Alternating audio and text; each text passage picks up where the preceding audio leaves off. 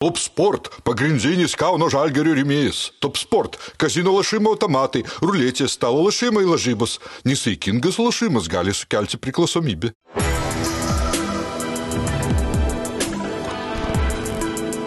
Šviturys ekstra nealkoholinis. Tai, ką sugebame geriausiai. Tikras džiaugsmas dovanoti, nes tapo centre 1,9 cm įstrižainės LG televizorius tik 465 eurai, o 1,65 cm įstrižainės LG QNET 8K televizorius net 500 eurų pigiau.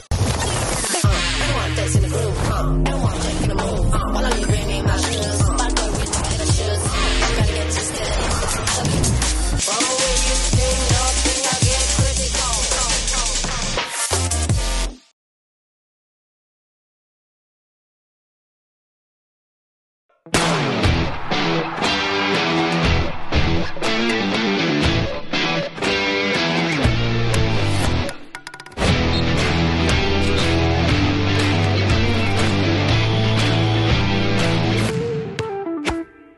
Sveiki visi mėly ir mylimi NBA fanai, su jumis laida apie nealkoholinį švyturio alų, sporto ir laisvalaikio prekes su kodu 315 parduotuvėje sil.lt ir NBA krepšinį pavadinimu 3 dublis. Aš esu Jovras Kanas, čia mano kolega Rytis Višniauskas. Sveiki, visi iš iknos įsitraukė Boston Celtics marškinėlius. Šiai laidai vis dėlto reikia pagerbti e, sezono lyderius. E, Kevino Garneto marškinėliai, kurie, kaip matot, gulėjo labai giliai spintoje ir nebuvo labai prižiūrimi. Sakėme, kad būtinai pabrėšime, kad iš šiknos yra ištraukti. E, Ryti, kaip tik e, klausimas tau. E, Evanas Mobley dažnai yra lyginamas už Atlanto su e, Kevinu Garnetu. Ar pats matai kokiu nors panašumu? Nu, kažkokių tai aišku, matai, tai įmanoma nematyti, bet ar esi apie tai pamastęs? Ar gali dabar pamastyti ir pakomentuoti? Nesu apie tai pamastęs ir tiesą sakant, e, manau, kad labai jau pritemtas e, palyginimas. Pritemptas, ar ne? Na, kaip ketvirtos, penktos pozicijos žaidėjas, galintis gintis per visas pozicijas. Jo, bet seniai tai nėra unikalu. E, Aš nematau Evano Moblį šešias sekundės laikančio kamolį ir išmetančio iš vidutinio nuotolio metimus. Tiesiog krepšinis yra kitoks. Manau, kad šio laikiniam krepšinėje nu, nėra žmonių, kuriuos tu gali vadinti dankanais arba garnetais arba, arba šakylais, nes tiesiog nu, nėra tokių krepšininkų. Kitaip profilio žaidžiama, ne? Jau taip Jo, dėl gynybos tai, tai taip, aš galiu sutikti, kad tai yra atletiškas, mobilus žaidėjas, gerai kovojantis dėl atšokusių kamolių, bet nu, kai lygini kažką su garnetu, tai dar šalia to norėtum ne tik žaidimo stiliaus, bet ir tam tikros charizmos. Tai Evonas Mobley kaip e, antrametis abejo. žaidėjas, manau, kad kol kas dar, dar to Trūksta. neturi. Čia, čia dar Beje, priminė, privertė mane susimastyti apie de- 99 metų NBA lipduko albumą, kur, mhm. atsimenu, įsiklyjavęs buvau Timberwolves e, Keviną Garnetą ir e, prie komandos ten būdavo trumpas aprašymas. Ir, Lokauto sezonom liubduk albumą. e, čia 98-99 sezonui gaunas. Tai, Tai gal, taip, lokautas. Turbūt, kad taip. Okay. Nu, Tai žodžiu, prie Timberwolves buvo parašyta paskutinis sakinys, kad bus įdomu stebėti, ar šį sezoną Kevinas Garnetas iš nesubrendusio paauglio jau taps lygo žvaigždė.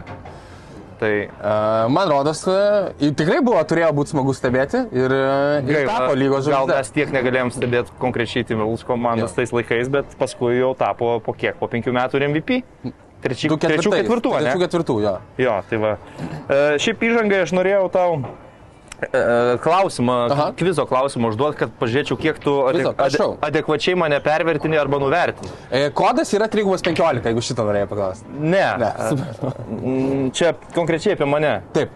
E, Kadangi šį sezoną jau sužaidžiau keturias nuoširdžias rungtynės Vil- Vilnius taip. Basketball League, Taip. iš kurių vienas visiškai absoliučiai tragiškai be kojos e, įžengiau į aikštę, Taip. tris mano standartais dar pusę velnio. Um, Buvo iškovotos pergalės, aišku, nors mano indėlis į tai gal ir nėra pats svarbiausias. e. Tavo užduotis yra kiek įmanoma tiksliau atspėti mano vidurkius. Aha. Aikštėje praleidžiant vidutiniškai po 18 minučių. Bet tu visai neblogą laiką praleidai kaip žmogus su viena koja aikštelėje. Jo, nes ten šeši Nėra žmonės, ateina nu septyni žmonės, jeigu nežinot, yra komanda kažkur matyti, arba kaip tarptautiniai rinkai mes prisistatom Seen some, Somewhere. uh, tai mes turim penkias pergalės, du pralaimėjimus šiaip. Aš tam užduotis yra spėti mano statline. Labai apmaudu, kad aš skautinau vienas rungtynės, be, aišku, be abejo, žiūrėjau Aurelių Bezakevičių, Ignas Lieka Grinevičių, e, tai tose rungtynėse tu nežaidai, nepasirodė aikštelėje, negaliu vertinti. Atskiras šautautas beje yra Mhm. Paul Demiko, kuris gal ir mūsų laidą kartais pažiūri. Tai ta prasme, nesvarbu, koks yra lygis, koks yra varžovas, bet kokį žmogų, kuris įmeta 7 iš 13 trajekų, reikia gerbti. Tai nesvarbu, kokiam lygiai, nes reikia įmes dar tos 7 iš 13, net jei ir meti visiškai laisvas. E, vie- viena, vienareikšmiškai, mano nuomonė, Poldemiko talentingiausias ekipos žaidėjas. Na, dar tas vaikinas su raišiu. Yra neblogų vyrukų, Yra neblogų su atletiškumu. Tas uh, Bet- yra, jeigu neklystu, uh, Natalijos bunkės vyras naujas, ar ne? Terminatorius. Tamo Ta prasme, ta prasme, eiti su juo, kovoti dėl kamelio yra kaip Pozario Williamsonų palysti, bandyti čia Vakar pasiimti. 16 mečiais VKM, jisai žaidė. sekėsi pajudinti žmogų iš vietos. Buvo ten vaizdų, jo, bet ten yra gerų bolerių. Demiko bolina, Kaslauskas rytis gerai Labai tokį staigų išmetimą turi Demiko iš Klėjus. zonos. Tai gerai. Šiau, tai gerai, Tai reikia pradėkim. 18 minučių, sužaidėjai 4 rungtynes, ar ne? Taip. A, tai yra 4,6 taško, um, 3 rezultatyvūs perdavimai, klaida ir 2 atkovoti kam, 2,3 atkovoti kamuoliai, rezultatyvūs perdavimai nepilnai, 3, 2,7. Tai 4,7 taško, 2,3 atkovoto kamulio, 2,7 rezultatyvaus perdavimo ir vienas prarastas kamuolys. Nu, va, turiu pripažinti, kad pervertini mane. Labai gerai apie mane galvoji, gerai. Uh, yra Nu, 18 minučių. lygiai 3 taškų vidurkis. Du atkovoti kamuoliai vidutiniškai. Beveik čia pataik. Pusantro rezultatyvaus perdavimo, aš neturiu kamuolį rankose tiek, kad atlikčiau. Nu, bet tau man game visą laiką turi gerą, matai, kurį mes. Pusantro rezultatyvaus perdavimo yra visai adekvatu. Du naudingumo balai ir 24,5 procentų tritaškų taikymas. Šitą reikia paklausti. Seniai, mėgėjus 24,5 Čia geras procentų tritaškų nėra geras, bet yra socialiai priimtinas. Nieks Nes, pavyzdžiui, kuo mes skiriamės nuo. Igno Voram Grinevičiaus, aš neturiu tikslo išsimes kuo daugiau metimų. Vakar, pavyzdžiui, du išmečiau. Tiesiog. Zas liekas nu, kalašnikovas koksai. O Igninis išleido gal 9, per 10 sužaistų minučių tikriausiai. 15 jo. jo, jo. Tai, tai va, tokie, tokie kuklus e, mano rodikliai, bet komanda laimi, tai viskas gerai. Uh, labai, labai gera įžanga. Uh, ačiū ryti. Um, ir judame prie NBA apžvalgėlės, ar ne? Jo, tai galim tuo pačiu ir švyturio ekstra alkoholio. O, būčiau, pamiršęs, tik tais apie 3-15. Aš po kavos vandenuko norėjau, o dabar jau... Pa- Padarom pakeitimą. Atsikimš pas, nes aš dabar paprašiau uh, irgi stiklinės. Uh, nežinau kaip jūs, aš manau, kad kai- kaip turite, aš manau, kad didžioji dalis žmonių turėtų pritarti, uh, kad visgi Vat, kai rinkdavausi iš butelio gerti, o ne iš stiklinės, tai yra suprantama, gan iš Taip. butelio yra atskira dar magija. Bet iš karbonkės, nebe tai, jau dabar Aš tai ir aš tada noriu įsipilti, jeigu man Pritariu tau, yra... nes iš skardinės geriant toks lengvas metalo slash plastiko skonis kažkoks lieka. Kartais jis su kažkokiais gėrimais būna visai nieko, ta prasme, pavyzdžiui, kola mažytas, iš mažytės karbonkės yra fantastiškai, bet vatalus uh, man aš... Ja, visą laiką man dar ir dėl estetikos į bokalą įsipilti yra visai malonu. čia be abejo. Va. Žiūrėk. Laikys puta. Neblogai, Cigel, cigel. neblogai. Uh, labai turėtų būti įdomu klausytojams. Taip, Podcast. šiuo metu bėga, jeigu jūs nežiūrit vaizdo, žiūrite. Be abejo, žiūrintiems tai fascin, neįtikėtinai įdomu. tai yra- yra uh, trileris. Endless entertainment. Christopher Nolano Dark Knightas uh, tik tais uh, prilyksta šitam suspensui. Gerai, ryti. Į sveikatėlę ir mm, sakėme, kad būtinai pasikalbėsime. Aš šią savaitę tavęs paprašiau pagalvoti apie ekipas. Sužaidėme irgi, tai prieš savaitę šidarėm tokią ketvirčio apžvalgą, prieš dvi savaitės sužaidėme beveik po 30 rungtynių. Um, įsivardinti po tris ekipas, kurių žaidimas, manome, gerės, liks toks pats ir blogės, bet prieš tai, ko gero, aptarkime, na, vieną tokių išskirtinesnių dvigubų tokių rungtynių back-to-backų šį sezoną, tai yra Phoenix Suns ir Naujojo Elno Pelicans, ten, kur um, rivalry, kaip išversti į lietuvių kalbą geriausiai. Priešprieša. Ten, kur prieš priešą uh, nuo atkrintamųjų ir... Bet CJ McCollumui buvo klausimas užduotas po paskutinių rungtynių televizijos interviu, ar tai dabar jau yra rivalry. CJ atsakė, ne, kol nelaimėsime playoffų serijos. Tai jo požiūris yra toks, bet mes galim sakyti, kad prieš priešos yra. Priešpriešos nes yra. Pelikans fanai, kurie dar praėjusį sezoną, kai uždarė seriją, plojo visi atsistoję Krisui Polui, kuris naujajam Orlenui šiaip yra daug davęs ir per Katrinos e, katastrofą ten daug aukojo ir buvo socialiai labai aktyvus. Tai dabar jau Krisas Polas yra nušvilpiamas. Kris Paul Saks yra skanduoja. Taip, tai akivaizdu, kad e, temperatūra šiek tiek pasikeitė. Taip, a, nežinantiems dar noriu. A, tai žodžiu, dvi rungtynės įvyko abi atkaklios ir jas aptarsime, išklausysiu ryto tavo nuomonės, bet apie prie prieš prieš dar norėjau pridėti. Jose Alvarado be abejo irgi žaidėjas, kuris iš, na, tokio netikėtai atrasto šiaip perliuko yra patapęs tikrai svarbia uh, Naujo Orleano uh, net ten stiklinė buvo ryčio. Uh, Naujo Orleano Pelikans uh, komandos dalimi. Jisai apie Krisą Polą kalbėdamas neįvardina jo vardu ir pavardę.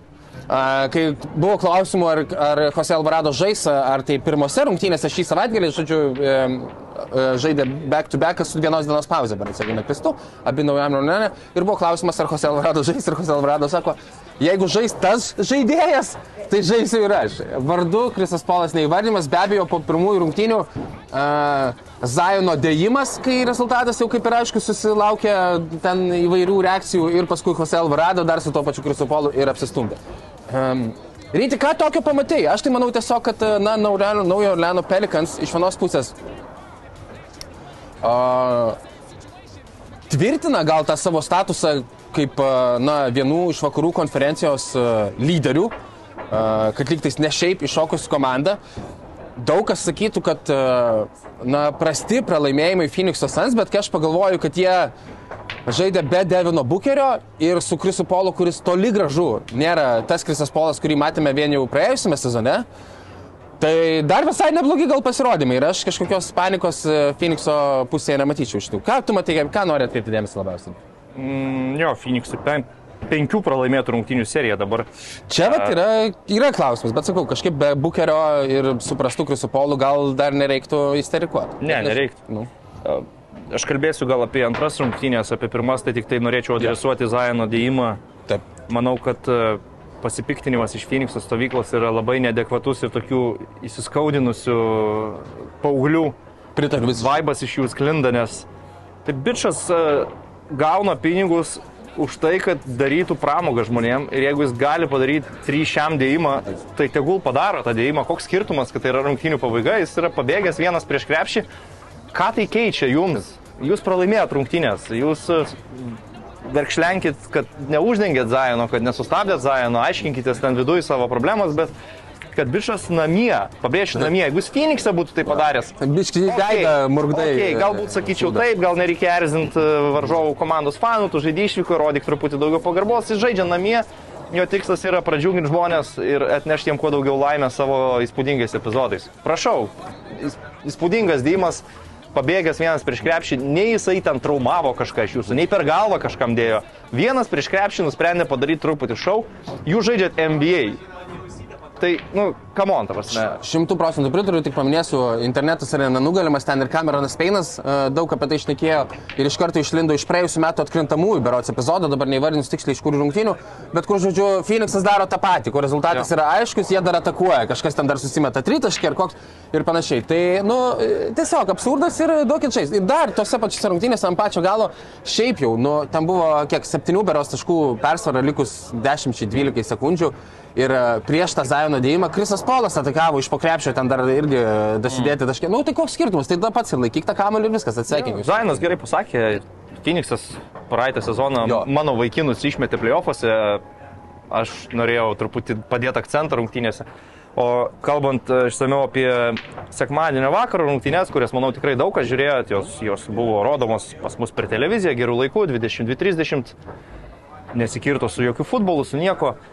Tai uh, ten mano Kim Phoenixas sužaidė geras rungtynės, be Devino Bukerio jie darė ką galėjo, ilgą laiką būdami priekyje, atlaikydami pelikanų spurtus. Iš tikrųjų, trečiam kelnyje buvo toks galingas spurtas, kad atrodė visiškai perlaužė rungtynės. Pelikanai greitomis atakomis po varžovų klaidų pelnydami lengvus taškus, temporą ir end one situacijų. Taip, mes galim kalbėti apie žaidimą be bukerio, bet į pelikan žiūrint, tai niekas neakcentuoja, kad nežaidžia Brendanas Ingramas. Ir dar ne tik Brendanas Ingramas, dar taip pat nežaidžia ir, ir šitas. Um, kaip man to vaikino pavardė pastovi iškrenta. Herbas Jonesas? Herbas Jonesas. Jo, labai svarbus be abejo. Aišku, Trejus Murphy, Nadži Maršalas padengė jo minutės adekvačiai, viskas ok. Uh, iš esmės, Ansai sužaidė labai gerą pirmą kėlinį, pirmam kėlinį pasimatė, kad Deandre Eitonas laimi dvikovą su Jonu Valančiūnu, Jonas gauna pražangas.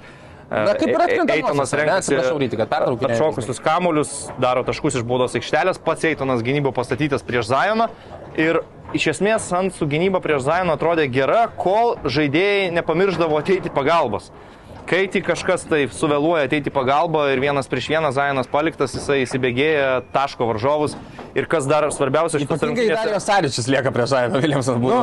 Nu, Čia nėra plano dalis palikti Šaričių prieš Zajoną, bet buvo tokių situacijų rungtynėse. Bet esmė ta, kad Pelikans ilgai kentėjo dėl to, kad nepataikė laisvi tokie žaidėjai kaip Alvarado, Grėjamas, tas pats CJ McColmas.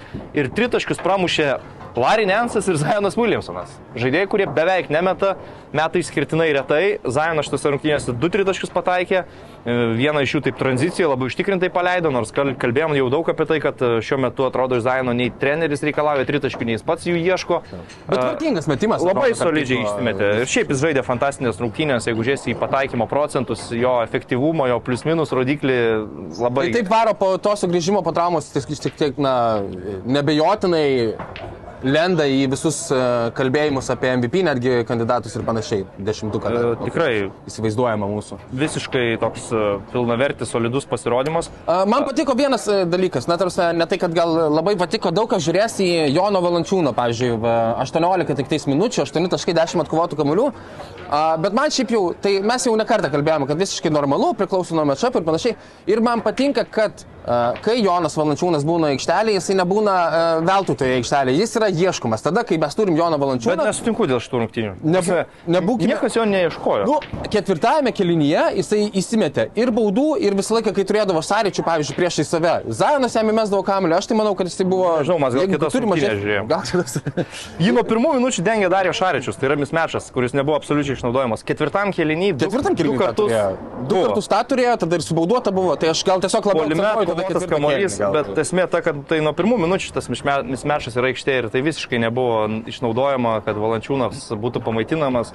Jisai pats sutrumpino savo žaidimą dėl pražangų. Teisėjų kelios klaidos jį akivaizdžiai išnervino, jis gavo ir techninę pražangą. Tas, tas turbūt irgi turėjo įtakos, tos visos emocijos. Ketvirtam kelnyje savo funkciją kaip ir atliko, viskas su tuo ok, paskui žinojai, kad jisai vis tiek galo nežais, kad gale reikia Larinenso.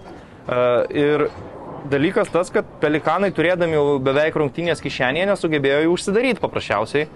Ir ketvirtam kelnyje buvo pramestos e, baudos, viena Maršalo, viena Zajono, paliktas langas, pelika, e, Sansam ištrauk pratesimą. Krisas Polas viename epizode sugebėjo pabūti tuo tuo senu geru aštuonis metus atgal Krisų Polu ir tikrai Praėjusią sezoną netgi. Netgi praėjusią sezoną jo pataikė per rankas tą iš vidutinio nuotolio dvitaškį, ištraukė pratesimą. Nors Zajonas laisvas visiškai E, įsimetė. Taip, galėjo- galė Zajonas atliko neblogą metimą.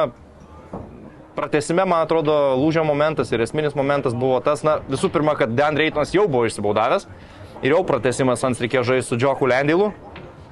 O kitas momentas, tai kai komanda skiria 3 taškai Pelikanų naudai ir Krisas Polas metė 3 taškį, prie jo šoko Zajonas ir teisėjas užfiksavo pražangą, skiria 3 baudų metimus ir ten buvo padarytas mano akimis iš to, kiek žiūrėjom, bei geriausias visų laikų trenerio challenge'as, ką padarė Willy Greenas. Mhm. Zajonas iš karto treneriui mojo ranka, kad čia yra nesąmonė. E, Paėmė challenge Willy Greenas, buvo jį sutaupęs iki pratesimo, kas irgi ne visada nutinka, nes Monty Williamsas gerokai anksčiau savo buvo panaudojęs. Ir teisėjai ėjo žiūrėti ir iš karto bent jau man matėsi ekrane, kad, nu, Krisas Polas iš- išmetė dešinę koją į priekį, pats apačioj sumušė kojomis su Zainu, viršui kontakto nėra ir tai yra pražanga polime. Ir teisėjai po gana ilgų analizių ir diskusijų priemė būtent tą sprendimą, apkeitė ne tik, kad atšaukė Zaino pražangą, bet dar ir pražanga polime Krisui Polui automatiškai buvo šešta. Tada Monty Williamsas pakėlė atšalusi visiškai Cameroną Peiną ir čia turbūt buvo tas momentas, kai skirtumas dar tik 3 taškai, bet nebeturėjo Sans jau instrumentų, kaip galėtų kautis dėl pergalės. Tai išėjo geros rungtynės su tokia, sakyčiau, net playoff atmosfera ir nusiteikimu iš abiejų stovyklų, iš abiejų komandų. O Pelikans, nu, tu gali kiek nori kalbėti apie žaidimą varžovų be Devino Bukerio, bet čia vėlgi, Sans jaučiasi, kad nėra Devino Bukerio. Pelikans atrodo net be Brendono Ingramo, kad nu viskas gerai. Atrodo geriau. Ta prasme, o Ingramas Gal- nereikia čia net pasakoti, kiek dar prideda. E, tai Geriau gal šiuo, šiuo metu tai yra legit vakarų konferencijos lyderiai tiesiog.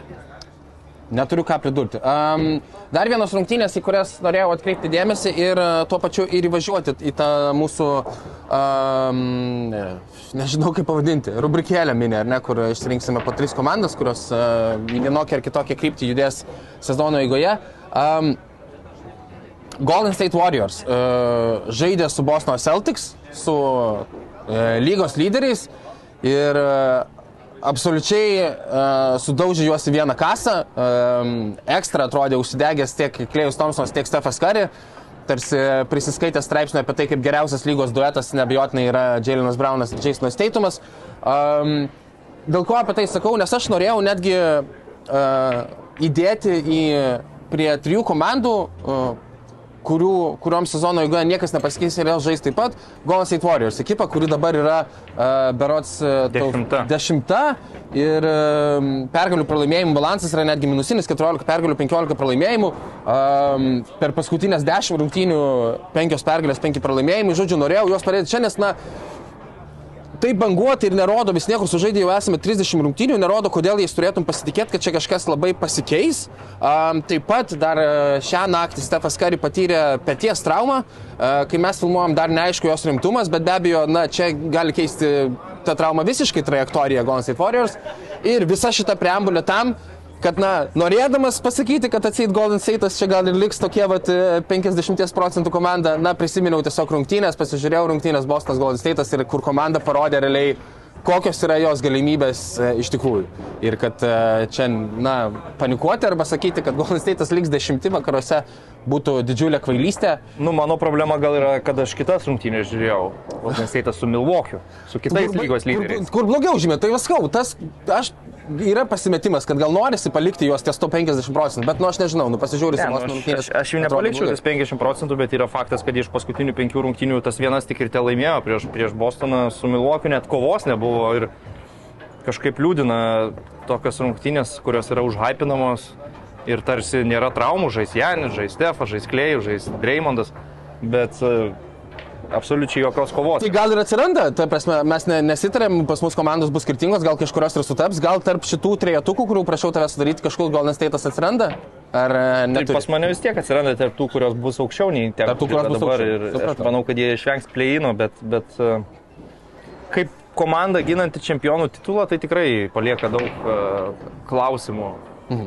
Supratau. Žinai, visą laiką lengviausia yra, kai tu kalbė apie veteranų, čempionų komandas, kalbėti apie tai, kad ateis playoffai ir, Įjungs ir jie pradės žaisti. Bet istorija rodo, kad komandos, kurios ten vargais negalais įsikrapšto, ten septintą sydą Labai retai tas mygtukas įsijungia. Labai retai playoffuose ten prasideda kažkas. Aš atsimenu tuos laikus, kai Lakers pa- padarė projektą su Steve'u Nešu, Ko- Kobe Bryantu, Dwightu Howardu, vis dar buvo Paugas Solis ir reguliarkiai irgi žmonės kalbėdavo, jūs palaukit, tie veteranai pradėjo žaisti, kai Nu, reikės. Bryantas Achilą nusitraukė, e, tai negalėjo. Bet jie išsitraukė tą septintą sydą, ar tu tiki, kad su Kobe ten būtų... Nemanau, būtų vis tiek susi... Lyga susi- sudeginę, su- suva- Ne, nemanau, ne, nemanau, nemanau. Tiesiog, nu, tas reguliarus sezonas, manau, kad daug kas pasirodo vis tiek po All-Starų pertraukos antroji pusėje.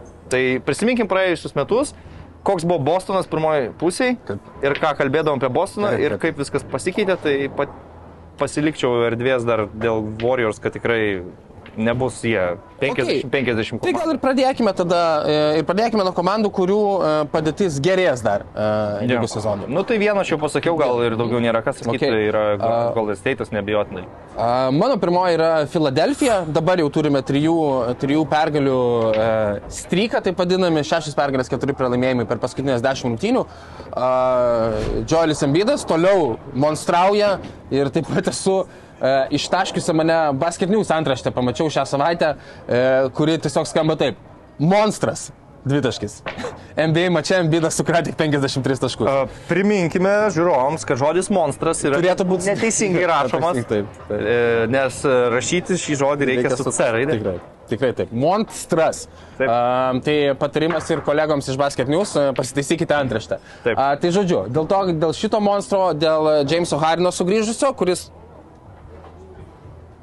alaus atsigeriau klausantiems, kad būtų aiškiau, iš kur ta pauzė, e, kuris, na, kamuolių skirstytojo savo rolę, lygtais e, grįžo ir atlieka visai neblogai.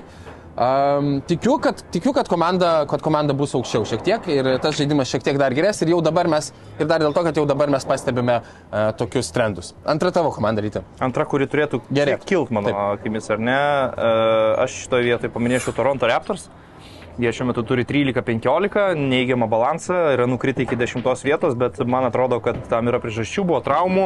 Vis dar kurį laiką negalėjo žaisti Audžianų Naubi, kuris yra kertinis jų gynybos žaidėjas, prieš juos ačiūva iškritęs, kuris vis tiek yra pakankamai svarbus, bet e, iš esmės jie turi labai gerą komandinę gynybą ir kai komanda tokia solidi gynyboje, tu tiki, kad, na, pralaimėjimų serijos nebus ilgos ir manau, kad jie tikrai iš dešimtos vietos turi krapštytis aukštyn, tai yra mano, mano akimis kontenderiai į šeštą vietą arba mažų mažiausiai į aukštesnę pleino lentyną, tai yra septintą, aštuntą ir aš, aš tikrai manau, kad jie važiuos toliau su Niku Narsu į viršų.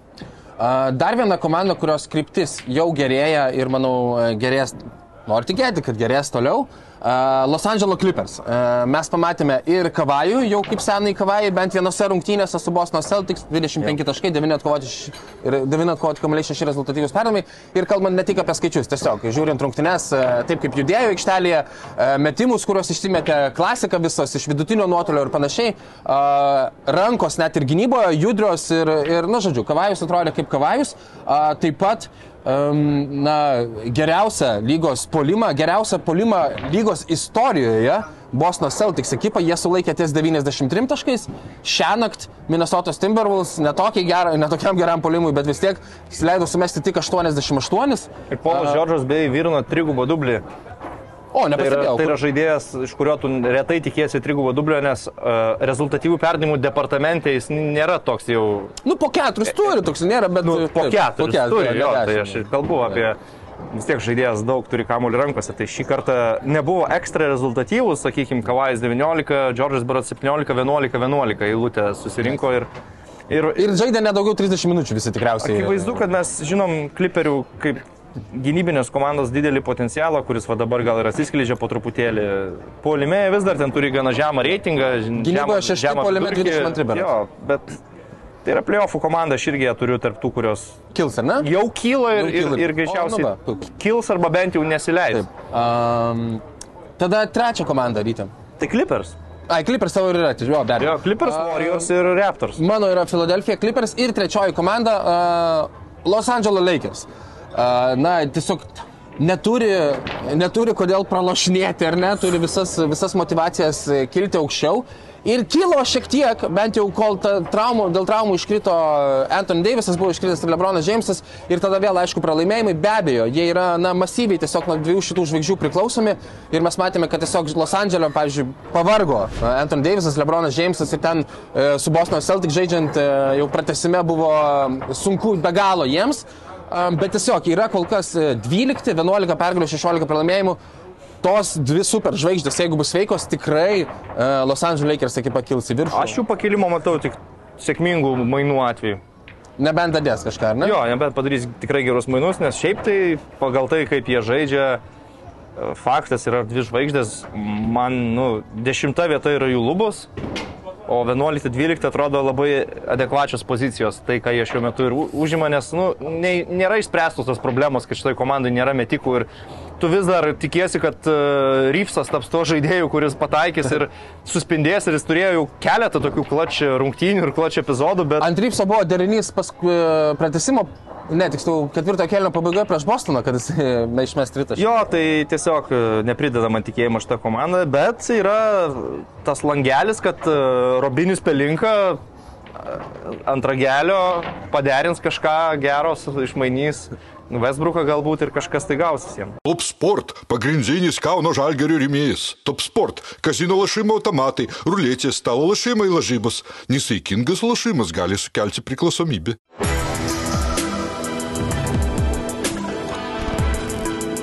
Šviturys ekstra nealkoholinis. Tai, ką sugebame geriausiai. Tikras džiaugsmas dovanoti, nes topo centre Dyson V12 siurblys tik 599 eurai, o metro 40 cm įstrižainės LG OLED televizorius tik 1469 eurai. Daugiau pasiūlymų topo centras.lt. Ok, judame į e, komandų kitą kategoriją, kurią aš vadinu, e, bus tas pats, more of the same esu savo e, laidos plane užsirašęs. Um, Šitą įdomi tuo man e, ir pačiam mąstant apie tai, kad kai kurioms komandoms toliau bus tas pats. Reiškia nusivylimą šio kitokį. Kitoms, kad toliau Jo. bus tas pats, reiškia, kad bus viskas gerai ir pas mane yra ir tokių, ir tokių. Ryti vėl Aš, leidžiu tą aš pradėti. fokusavausi galbūt į geras komandas, nes pasakyti, kad Spars bus tas pats, tai yra, nu, nieko Ne, nepasakyti. jo, aš irgi bandžiau, kad jo, kad arba kad uh, Bugs bus tas, jo, irgi, ne, gal. Ne, Bucks Bucks, pas- Bucks pas- Celtics galima, pasidai- galima nu, net, bet čia gal ir neverta, nes nu, tai yra labai akivaizdus e, Jo, pirmieji pirmieji stengiuosi trys įdai rytų konferencijai ir tik traumos gali jam labai pagadinti reikalus, bet, Tai va dėl šių priežasčių pas mane jų irgi. bet greičiausiai ne, ne traumos bus, tiesiog Robertas Williamsas grįž dar kažkurio metu ir pasijungs. Ką aš sakau, praėjusią savaitę aš pranešinėjau, kad jis turi grįžti, buvo tokie pranešimai, bet uh, būsiu sumelavęs arba vėl pradėjo skaudėti kelią. Turbūt klubas matydamas gerą situaciją ir aikštėje, ir lenteliai neskuba tiesiog ir laukia, kol bus 100 procentų. Žinoma, NBA da- dažnai tas yra padidintas atsargumas, kada žaidėjas turi grįžti į aikštę ir kaip jis turi grįžti. Anyway, komandos, kurios turėtų likti ten, kur yra, aš tiesą sakant, turiu Brukliną. Uh, manau, kad jie dabar jau šoktelė iki ketvirtos vietos, žaisdami laiminti krepšinį, laimėdami prieš komandas, kurios už juos yra silpnesnės, dažniausiai pralaimėdami prieš tas, kurios yra stipresnės. Ir tokia formulė, manau, veda prie to, kad jie ir turėtų būti ketvirta, penkta komanda savo konferencijoje. Ir, ir žaidimas, kurį matau pastaruoju metu su KD išnaudojimu, su Kairį, pagaunančių formą ir galbūt nukreiptas jau yra dėmesys nuo visų pašalinių dalykų už aikštės ribų, tai yra komanda, kuri, nu, man yra antro atkrintamų varžybų etapo pa- pajėgumo su potencialu dar net ir nustebint playoffuose. Tai galvoju tai, kad jie užlipo šiek tiek į kalną iki ketvirtos vietos ir rodo, kad jie maždaug ten ir turi būti. Ir tikiu, kad bus. Tai pirm, pirma komanda, kurią paminėčiau. Uh, man uh, pirmoji komanda, uh, kuri turėtų likti ten, kur yra. Deja, yra, manau, Dalaso Mavericks, čia yra su žvaigždute, nebent mes išvysime kažkokius mainus, kurie atneš solidų uh, antrą kūrėją, pataikantį žaidėją į uh, Dalaso Mavericks gretas. Uh, yra sužaita jau nemažai rungtynių, uh, nežinau, ar per likusias rungtynės uh, Jasonas Kidas išmokins um, Kristianą Budą gintis. Ne. E, Nemanau. E, Taip pat e, būti priklausomam nuo to, ar šiuose rungtynėse Timas Hardovėjus įmeš šešis tritaškis ar neįmeš šešis tritaškis, manęs irgi netrodo įkvepiantis rungtynių planas. Um, ir tiesiog e, liūdna komandos architektūra ir, ir manau, kad e, na, jie dabar yra devinti vakaruose. E, nesakau, kad devinti ir liks, bet nematau labai anksčiau, aukščiau ten plejino vis tiek. Nemanau, kad jie iki šeštos dasikapos. Net nenoriu čia pridėti, kad galim klysti, visi suprantam, kad galim klysti ir gali būti, kad labai būsim nusišnekėję paskui, bet tikrai nematau ir man liūdnai atrodo. Aišku, vienas dalykas yra uh, apie reguliarųjį sezoną, jeigu jie ir lieka devinti, turint Luką, aš juos matau, kad jie gali netyčia ir pirmą raundą laimėti, ir pleiną laimėti, ir Jo, pirmą jo. raundą laimėti. Tai yra va tas va toksai žyma su Dalasu, bet, e, bet kad nieko įkvepiančio nemanau, nematau, nebent kažkokie mainai e, ateities sezono, tai tikrai taip. Yra tokių kalbų, kad dabar jau um, tėvystės e, teisėmis uh, A, taip, ginčiasi Zajonas. Zajonu dal, Labai geras. pavyzdys. dalinasi dėl to, kas Phoenix'o Sans vaikus augina. jo, dėl Dalas aš galiu iš esmės pritart, kad e, nesimato pas juos kažkokio sprokstamojo mechanizmo, kad jie, Kas čia dabar atsirakins kažkas, ar ne? kad jie gali labai jau čia stipriai drebinti lygą, turint omeny, kad jų konferencijoje yra atsigaunantys kliperiai. Um, yra pakankamai stabilų žaidimą toliau išlaikantis Portlandas, yra Phoenixas, kuris nu, atgaus Deviną Bukerį ir tikrai nutrauks savo pralaimėjimų seriją. Yra trys komandos - Pelikanai, Grizzly, Nuggets, kurios yra pabėgusios šiek tiek ir aš manau, kad Nuggets tikrai yra trejate. Memphis, nu, Džamorantas kartais pasitraumuoja, nežinai kaip gali būti. Bet Aišku, bet Džamorantų jie praėjusią sezoną Nu, puikiai tai atrodė. va, Tai irgi ne, nepanašu, kad kristų. Pelikanai pagal tai, ką jie rodo, akivaizdžiai irgi yra pirmo trejato komanda konferencijai. Tai sunku matyti Dalasą kažkur labai aukštai. Galbūt aplenkti Jutą ir Sakramentą, tai yra septinta vieta ir Pleinas. Jau, Max, jo. Pas mane dar viena komanda, O Dalasas yra pas tave galbūt? Ne, aš jų ne, ne, neįtraukiu kaip atskiro paminėjimo, nors pritariu argumentams. E, Pas mane komanda, kurią aš pažymėčiau, irgi yra dar viena iš rytų konferencijos. Ir gal taip pat tai komandai nebūtų pačios geriausios naujienos, tai yra Miami Heat. Mm. Septinti, aštunti, maždaug ten jie šiuo metu yra. Ir kažkaip galvoju, kad jie ten ir liks, tiesą sakant. Nes Nu, mes matėm jau vieną pandeminį sezoną, kaip, kaip yra sunku Miami, kai žaidėjai pradeda kristi iš reikiuotės, paskui ilgai užtrunka jų sugrįžimai. Erikas Polstra bando pasitikėti naunėminiai žaidėjais ir kažką gamina su jais, bet dažniausiai, nu, tai neveda prie didelių pergalių ir, ir, ir e, gerų rezultatų. Aš vis, dar- vis dar tikiu Miami kaip veteranišką komandą, bet tu matai jų sensantį Kailą Laurį ir tos visus dalykus. Tai ko gero plynas išviečiasi prie tokių tendencijų Miami Heat. Sudėties gylio ten išskirtinio nėra, kaip, kaip pas Pelikans. Ten jaunimas taip augo per metus, kad gali žaisti be Ingramo 15 rungtynių ir, ir viskas bus ok.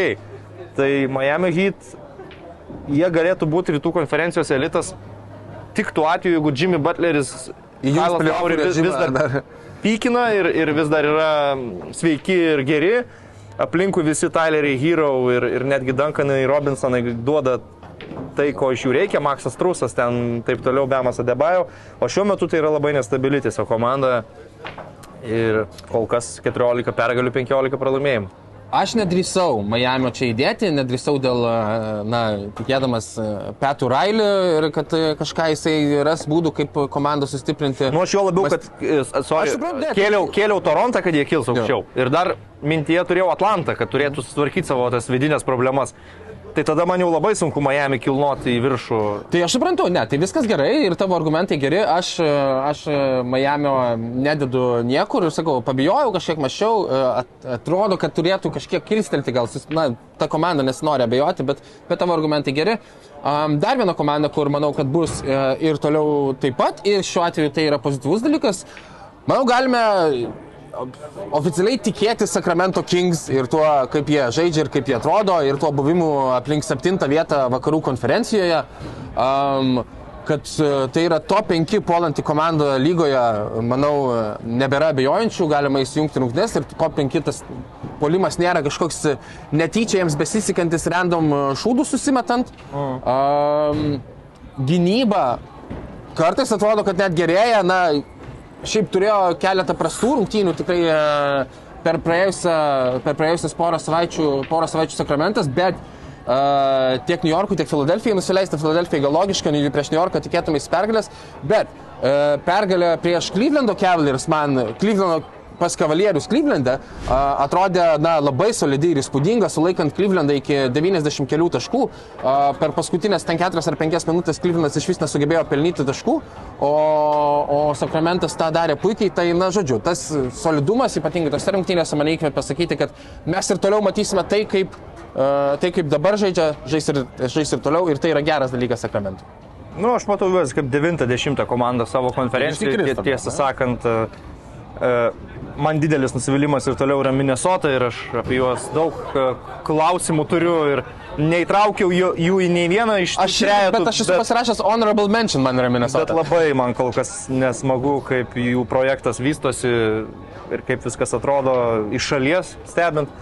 O dar viena komanda, kuri aš manau, kad turi likti ten, kur yra maždaug, tai yra vėl rytų konferencija. Kažkaip man vakaruose daugiau tokios mėsmalės, o rytuose man viskas taip aiškiau atrodo, tai pasiėmiau Cleveland Cavaliers. Tai yra trečia, ketvirta komanda. Man dėl to nėra klausimų. Jiems kažko dar trūksta iki Bostono ir Milokio, bet jie nėra blogesni niekuo už Brooklyną ir niekuo nėra blogesni už Filadelfiją.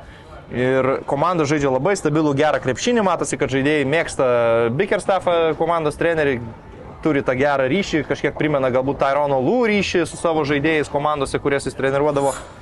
Ir, nu, tiesiog solidu žiūrėti, kai tu turi du puikius kuriejus ir turi tvirtą energingą, pakankamai jauną priekinę liniją, o dar nuo solo einantis seneliumbas Kevinas Lavas pakruta irgi su savo e, senais kaulais. Tai gerai subalansuota, tiesiog tvarkinga komanda, kuri turi šiuo metu šeši- 18 pergalių, 11 pralaimėjimų, išvengia kažkokių didesnių traumų, blogesnių ten pralaimėjimų serijų, nekrenta į duobę, žaidžia labai stabiliai ir trečia, ketvirta vieta namų aikštės pranašumas pirmame etape, aš jiem tą drąsiai prognozuoju. A, Tai viena iš tų ekipų, kur jeigu taip ir toliau, tai yra pozityvus ir e, teigiamas dalykas. Jo. A, Aš užbaigsiu e, neigiamų, manau, tai bus ir toliau Čikagos Bulls ekipai.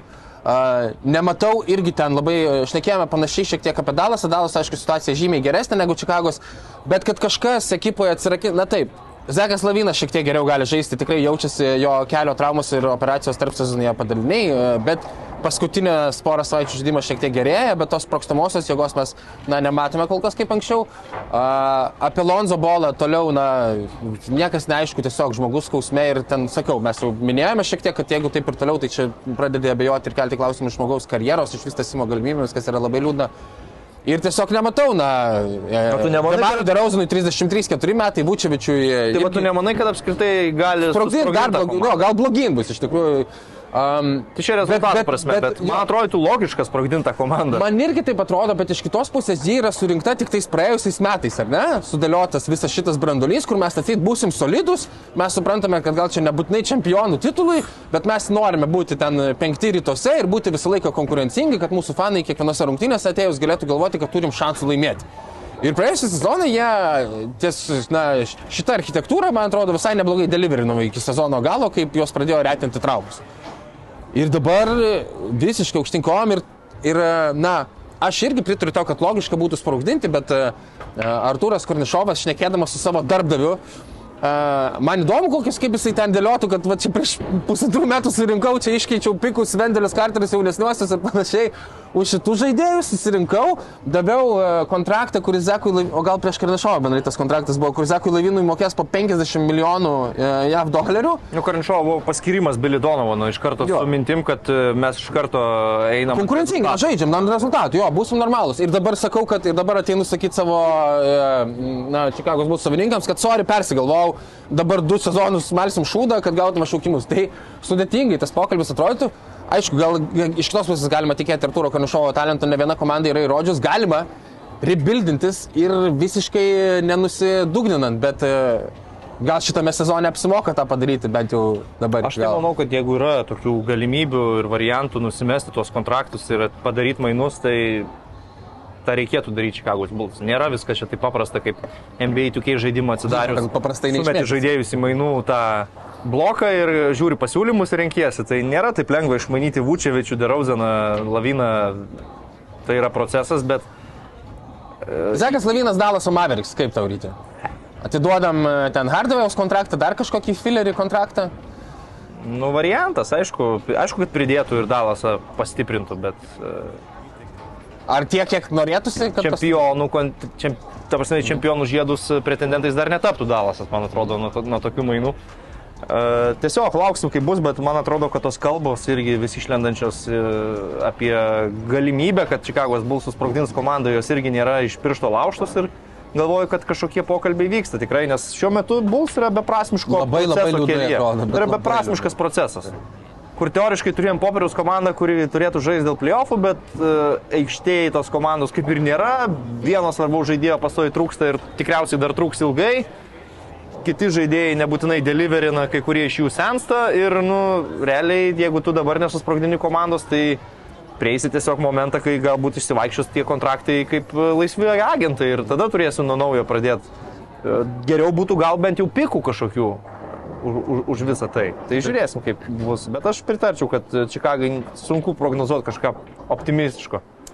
Ok, kalbant apie tai, kam sunku prognozuoti kažką optimistiško, paskutinė, e, paskutinė kategorija - trys komandos, kurių padėtis turėtų blogėti e, sezonui einant į pabaigą ir ryte vėl leisiu tau pradėti. New Yorko Knicks? Turiu irgi New York Knicks. Tiesiog Išsišoko nebus žymiai blogiau, bet tiesiog dabar yra per gerai. Jie, per gerai. jie laimėjo penkias rungtynės iš eilės.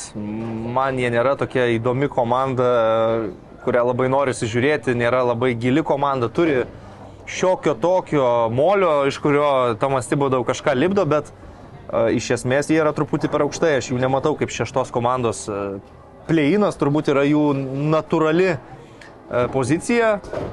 Dar gal net sakyčiau labiau ta antroji pleino pusė, 90 pozicijos, ten aš juos įsivaizduoju, tai tikrai jie turėtų leisti žemyn. E, Prit, pritariu, kaip minėjau, turiu ir pats ir lygiai dėl tų pačių priežasčių. Dabar tiesiog atrodo truputį per gerai ir kad čia gal su rožiniais sakiniais jo žiūrėtume, realybė e, bus truputį žemiau. A, Panaši mano argumentacija yra su Portland Trail Blazers, kurie yra šiuo metu ketvirtoje vietoje vakarų konferencijoje. Aš nesakau, kad drastiškai kažkas atsitiks, bet aš juos labiau matau šeštus kokius. Gal netyčia nukrentus į septintą poziciją, e, tiesiog dabar ketvirti su namų aikštelės pranašumu, Portlandas, na, būtų, na, neįtikėtina sėkmės istorija irgi, man, e, mano manimu. Tai nemanau, kad e, labai blogės, bet kad šiek tiek blogesni rezultatai pabaigti sezoną turėtų būti. Nors sutikčiau, kad bent jau Phoenixas ir Clippers atrodo geriau už juos, jeigu projektuotume Golden State atsigavimą antrojo sezono pusėje, tai galbūt ir jie.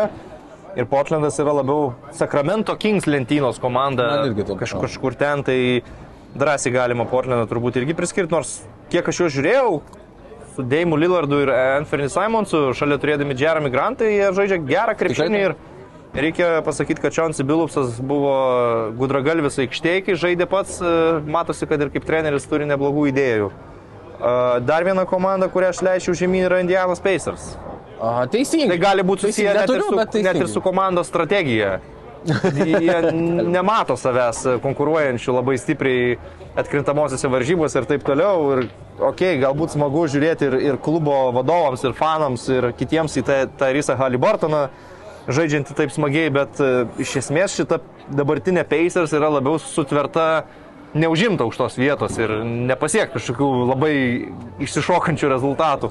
Tai galvoju, kad e, antroji sezono pusė gali ir kažkokie vieni kiti mainai suvaikščiot, kažkurie žaidėjai dėl mikrotraumos nusimt, galbūt jau ir tam e, sezono antroji pusė nebežaisti ir peiseriai tiesiog nusileis natūraliai žemyn į kokią, nu, maždaug ten, kur dabar yra Vašingtonas bent jau ar, ar kažkas panašaus. Tai e, jo, Pacers irgi priskirčiau ir mano trejetas toks ir baigtųsi. Blazers, Pacers ir Knicks. Ai, tu irgi turėjai. Jo, Portlandas man labai adekvačiai skamba, kad truputį yra per aukštai, man patinka kaip jie žaidžia, bet aš jų nematau, netgi turbūt šešitį jų nematau. Uh, tai Portlandą ir Niks, kaip ir minėjau, turiu ir aš. Mano trečioji komanda yra uh, Atlantos Hawks. Uh, tiesiog aš galvoju, kad šita disfunkcija, kurią mes stebime, jinai kerosis ir toliau. Ir jinai, jeigu ir, ta prasme, sveika būtų ją išsprokti, e, kad ir koks išsprogimas, e, aš nemanau, kad bus e, į naudą. Ar ten, ar trenerio atleidimas, ar, nežinau, Frėjaus Jengo mainimas, gali būti ir tokių variantų, nors sunkiai tikėtina, bet tiesiog neįti, neįtikinančiai atrodo ekipa. Um, jo labiau Dešontė Mari dar iškrito dėl mikrotraumos kažkokios. Um, ir visi signalai tiesiog rodo, na, prastus ženklus, mirks raudona lemputė. Tai tiesiog pasitikėsiu tuo ir e, matau Atlantą e, ir toliau garmančią žemyn. Top Sport - pagrindinis Kauno žalgerio rėmėjas. Top Sport - kazino lašimo automatai, ruletės, stalo lašimai lažybos. Nesaikingas lašimas gali sukelti priklausomybę.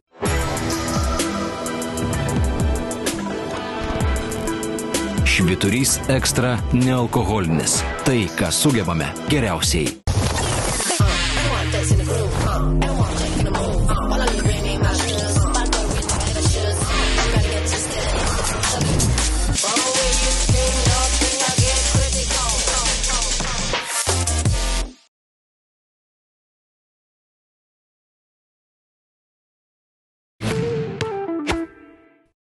Ok, šią savaitę viena e, įdomi, e, plačiai nuskambėjus tokia gan popsinė, šiaip žinia buvo, bet e, su ryčiu sakiau, kad norėsiu ją irgi aptarti.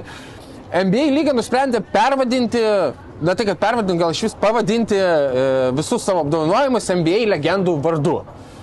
E, pirmasis toks, okei, okay, gal ir visai įdomu, man atrodo, visai nieko.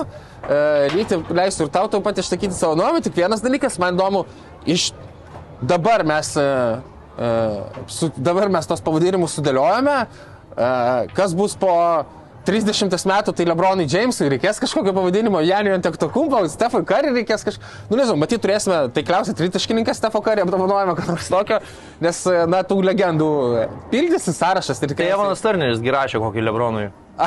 tai bablo. Jeigu bus dar vienas burbulas ateityje, ten per- dar viena Gerai pandemija. Gerai parausti. Šiaip Evanas Turneris turi labai neblogą humoro jausmą. Yra legenda citatų, galite jo pasiškoti. Kaip, ryti, kaip tau šitas e, pavadinimukai? A, man visai gal graži ta idėja, aš, aš neturiu problemų dėl to, tik tai e, negaliu galbūt adekvačiai vertinti visų žaidėjų, kiek jie nusipelnė to, nes, nu, sakykime, šešto žmogaus a, apdovanojimas yra kaip ten tas uh, E, šeštas žmogus yra Jonas Havličikas. Jonas Havličikas. Jo, nu tai jeigu aš nesu Jono Havličiko gyvenime matęs, kaip jis žaidžia, aš esu tos kartos žmogus, kuriam šeštas žaidėjas iš karto asocijuoja su Džemalu Crawfordu arba bent jau su Lou Williamsu.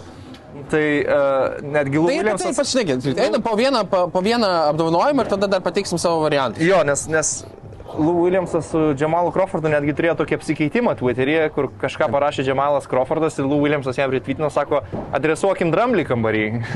nes, nu, pripažinkim, šitie du vaikinai buvo užlokinti vos ne kiekvienais metais, kad turi laimėti šeštą žaidėją. Crawfordas apskritai buvo sinonimas šia, geriausio šešto žaidėjo lygoje. Tai... Na, yra sakoma, kad su Johnu Havličiaku, kuris e, du ar tris titulus su legendiniais Boston Celtics laimėjo, berots Um, Taus pasitikrinsiu, kad uh, nesumeluočiau mūsų žiūrovams, bet iš esmės, kad terminologija šeštas žaidėjas um, e, su Johnu Havličiku ir atsirado. Ir galbūt dėl to e, būtent tai ir buvo aštuonis kartus atleiskite e, NBA čempionas e, nuo 63-ųjų, pirmą titulą, 76-ais, antrą titulą. Tiksliau, Tai va tokiai, tai čia yra mano problema, kad aš negaliu objektyviai įsivertinti Tai jo, tai- istorinių asmenybių ir NBA lygoje žmonės tikrai geriau žino ir supranta, kas jų istorija turi didesnę reikšmę. Taip, bet gerai, taip, bet mes tam ir esame iš savo, iš savo varpinės tiesiog pavertinę. Tai jo, Lou Williamsas man atrodo, man žinoblis čia turėtų būti irgi kaip uh, epitomas pasiaukojimo. Um, visi suprato, kad jisai turi talento pakankamai, ne tai, kad žaisti startiniam penketę, bet uh, ir būti visiškų superstarų, bet žmogus sutiko eiti nuo suolo, nes tai bus geriau komandai. Um, Ironiškai titulo gal net nelaimėjęs, o gal tik sėki laimėjo mano žinobilis geriausią šeštą žaidėją. Uh, Kelkim archyvus. pakelk archyvus, nors tikriausiai galėjo laimėti daugiau, tai, na, va, tas dvasiškai atrodo, kad, kad mano žinobilis irgi puikiai tiktų. Uh, tai va, tai geriausias šeštas žaidėjo titulas bus pavadintas Džono Havličiko Celtics legendos vardu. 2008 laimėjo.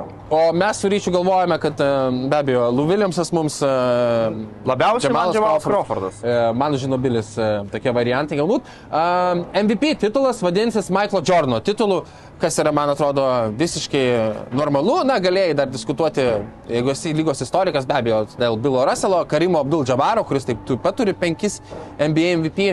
Uh, tiesa, mm, Karimas Abdul Džabaras jau turi, na, e, kažkaip e, socialinį tokį apdovanojimą už, e, už, lygą, už lygos žaidėją, kuris, na, socialiai aktyvus labai yra, ar ne? Tai antro galbūt dėl to negalėjo duoti. Manau, kad jeigu yra bendras konsensusas, kad Michaelas Jordanas gaut, tai normalu, kad tu savo lygos gaut pavadini prestižiškiausią individualų apdovanojimą. Tai E, Aišku, nėra e, prie ko kabinėti. Aišku, lyga, kai rinko, tai dar ir buvo nutarta, kad na, dabar apdovanojame, ne, nerink, ne, nepavadinsime apdovanojimo aktyvaus žaidėjo vardu, dėl to, pavyzdžiui, ir Lebronas Džeimsas atkrito šitoje vietoje. Um, būtų, būtų įdomu, kažkokio apdovanojimo, manau, antram, o kai kuriem ir pirmam geriausiam žaidėjui lygos istorijoje um, norėtų turėti. Tik E, po 8 metų ar kiek ten Nu, sakė, jo. kad...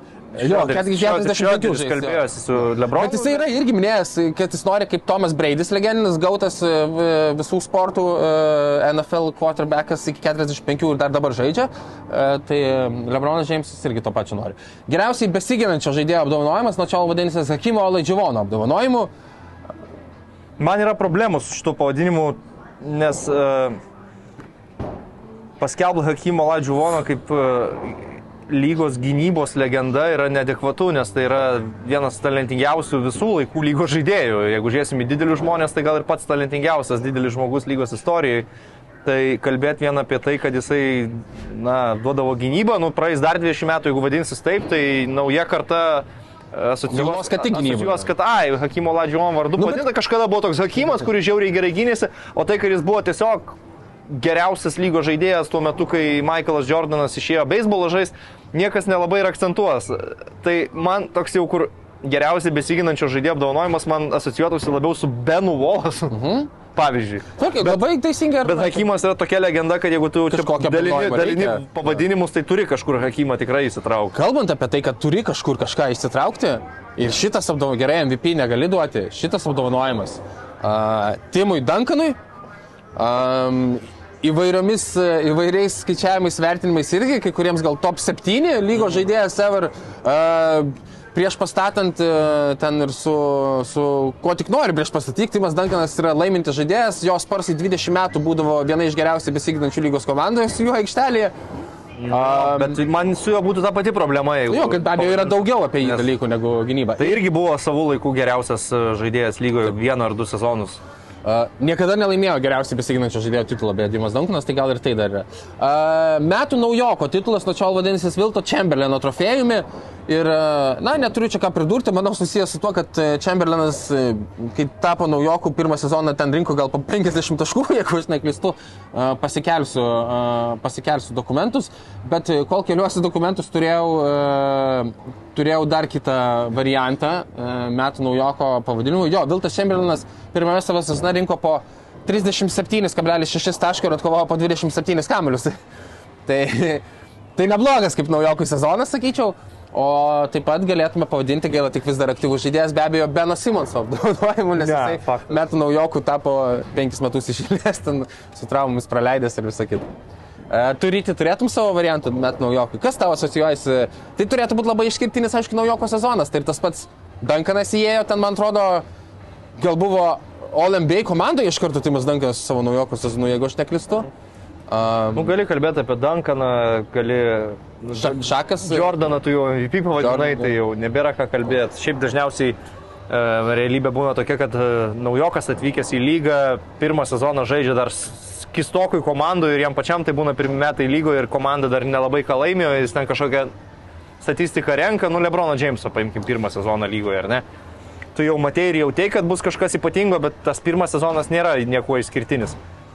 Tai neturiu čia gal kažką labai užginčyti dėl Vilto Chamberlaino. E, Labiausiai patobulėjusio žaidėjo titulas ir čia yra e, apdovanojimas, kuris, e, kiek skaičiau ir klausiausi, daugiausiai, daugiausiai antakių pakėlė. Džordžo Maikano apdovanojimas bus geriausiai patobulė, labiausiai patobulėjusio žaidėjo. Um, kas, na, aišku, irgi tikrai nepakonduosi, nieko nematėm, šiaip tiesiog daug kas ir, ir už Atlanto e, juokės, nežinau, kas čia buvo, e, kuo Džordžas Maikanas toks išskirtinis. Ir, e, aišku, Aš, pavyzdžiui, minėjau kažkam podcast irgi, ar, ar, ar Bilas Simonsas, ar gal ar Kevinas Okonoras, nepamenu, kad, pavyzdžiui, Janis Antetokumpo yra ko gero tas toksai irgi, na, vienas iš pirmųjų galva šokančių, kur atėjo tokia, na, nežinoma žalia medžiaga iš tos Graikijos trečios lygos ir, uh, ir paskui atleiskite už išreiškimą septynmyliais žingsniais šuoliavo į priekį. Tai, bet aišku, irgi negali pavadinti aktyvų žaidėjo vardu. Bet neturiu komentarų, tikrai, bet su kuo tavo asocijuotus pavadinimas? Nu, tu- labiausiai patobulėjo žaidėjas, tai asocijuojasi su žaidėju, kuris kažką realiai pridėjo ir mm. pradėjo daryti dalykus, kurių nedarė pradė, pirmus ant tris karjeros sezonus, tarkim, visiškai nemetė iš toli, paskui tapo elitiniu snaiperiu ir panašiai, nes tai, kad kažkas gauna labiausiai patobulėjusio žaidėjo prizą, ne visada yra susijęs su jo realiu patobulėjimu. Dažnu atveju tai būna tiesiog, kad jis atsidūrė kitoj komandai, Daugiau minučių. daugiau minučių pradėjo žaisti, pagerėjo ten procentai ir panašiai. Tai dabar taip man labai sunku būtų iš atminties atgaminti, bet tikrai galima pasikapčius ras žaidėjų, kurie antroji karjeros pusėje absoliučiai pakeitė savo žaidimo profilį, žaidimo stilių ir, ir pridėjo dalykų. Ten didelis žmogus iš serijos pradėjęs mes tritaškius. Tai Brukas Lopesas pusė karjeros buvo minkštas centras, kuris e, iš baudos aikštelės renka taškus, bet kamulio negali nusimti. Ir galiausiai tapo centru, kuris meta trajeką ir pretenduoja į geriausiai besiginančio žaidėjo prizus.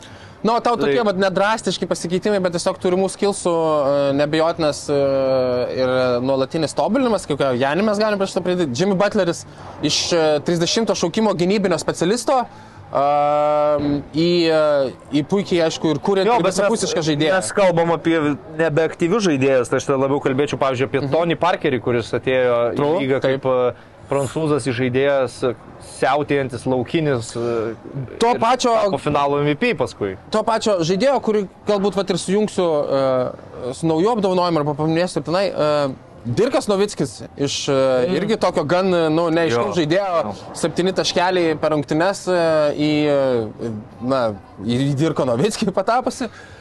Kodėl užsiminiau apie tai? Naujas apdovanojimas atsiras NBA lygoje. Labiausiai, ir čia net neįmanoma išversti dabar, labiausiai clutch žaidėjas. Metų clutch žaidėjas. Um, Tai e, juo e, pavadi, e, naujas apdovanojimas vadinsis Jerry West apdovanojimu.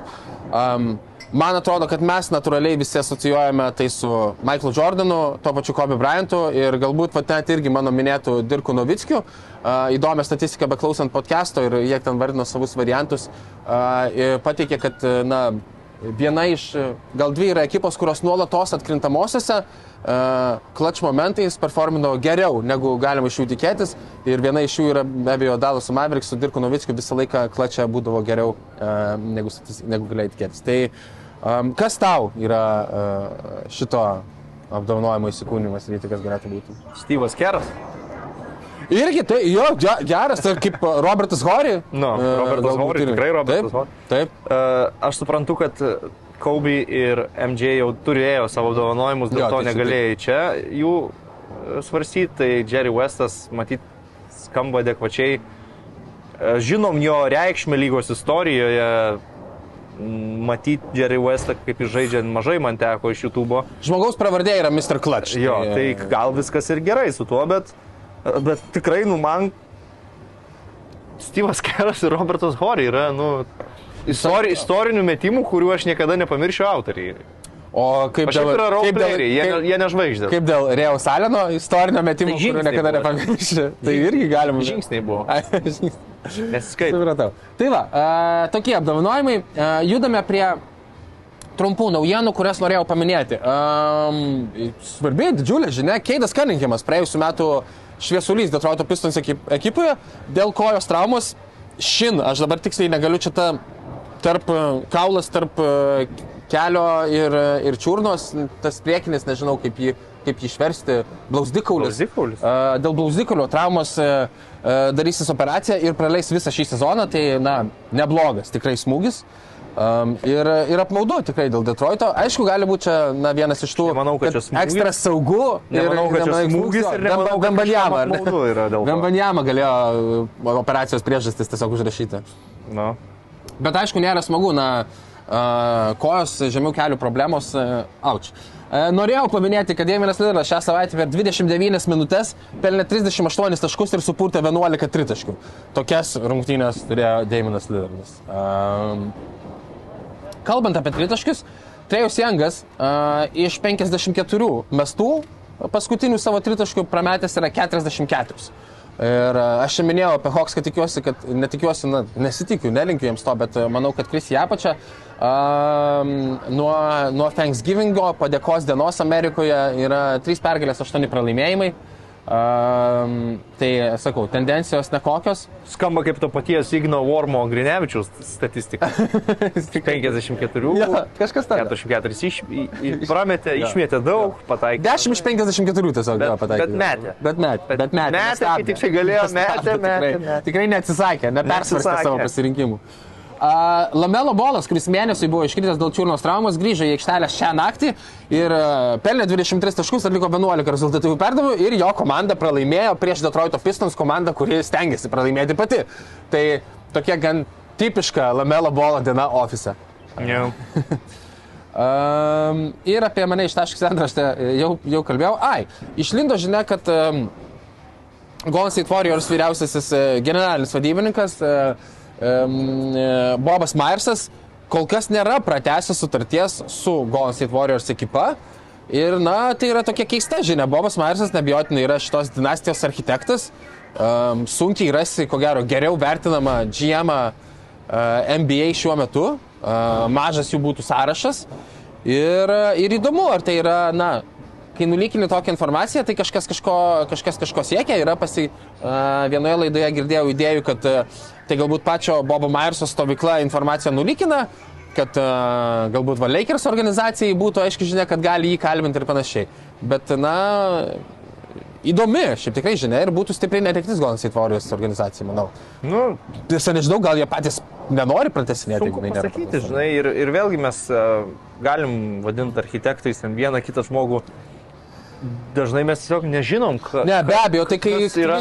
kai, Stefas Kari e, pasirašinėjo sutartį 60 milijonų už 4 metus dėl to, kad buvo amžinai traumuotas savo čiurnos traumom, niekas negalėjo pasakyti. Šiaip nu, mes dažnu atveju nežinom, kas yra tas sprendimo prieimėjas kieno buvo paskutinis žodis dėl kažkokio tai veiksmo. Nu taip, bet be, be abejo, na jau Džemas vyriausias turės e, nebūtinai patį paskutinį visą laiką. Mm. Yra kalbų, kad Jerry Vestas turėjo, pavyzdžiui, daug uh, indėlio į šitą. Kitą kartą gali ateiti savininkas ir tam džiemui pasakyti, tu nedaryk tų mainų ir viskas. Taip, taip, taip. Nes vis tiek džiemas yra samdomas darbuotojas, ne tas žmogus, kuris valdo klubą man gal Bobas Myersas e, nemalonų įspūdį yra palikęs po tų savo suvaidintų ašarų finalo serijos su Toronto Raptors metu, kai ten apie Kevino Durantais išėjo pakalbėti ir ten bandė vaidinti, kad verkė. Galbūt Ne kažką tikrai buvo. gerai, kad e, nepratęsė kontakto ir atsisveikinti su šiuo specialistu. Ok, ryti, jeigu neturi kažkoko pat specifiškai norėtum dar aptarti, apie šią savaitę galime judėti į rubriką ant suolo. Gerai, judam. Judame. Aš todinu Rudy Goberą e, pirmiausia, kuris e, šią savaitę palaikino Elono Musko tweetą su puikiu Elono Musko humoru, kad mano įvardžiai yra apkaltink Fauci. Uh, My pronouns are prosecute Fauci.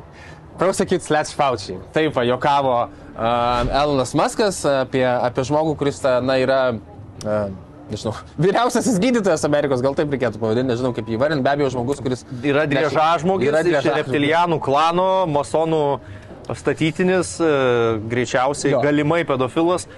Taip kad Taip. Yra ganėtinai, aišku, dėl to dar yra išskirtinu, kad Anton Fauci be abejo yra žmogus nešęs e, ir linkėjimai visiems metavalpysams, kurie čia sušoks galbūt pas mus į komentarus po šitas žinias. Kada Trumpas grįž? Išgelbėk mus, Donaldai! Daktaras Faucis be abejo yra tas žmogus, kuris, na, e, apie vakcinas nešė visą žinią ir visą, na, Amerikos tautą apdeitindavo taip, kaip mūsų apdeitindavo Verygo, paskui e, Dulkys ir taip toliau ir panašiai. Edukuoti! Ir, ir Goberas yra tas žmogus, nuo kurio nesąmonių ir ten hihihaka mikrofonų lietimų, COVID visa, e, visa pauzė prasidėjo NBA lygoje ir dabar jisai e, laikina, kad e, mano pronouns Jūs yra. čia Ir aišku, čia dar edukuoti susėdę, šimonytės prisiklausę, tuos savo delfius skaitot, jum čia smegenys praplaukia. Ir, niekur, ir jeigu niekur nėra nei kablelio, nei taško. Paskaitykit kiguolį, ten visa tiesa.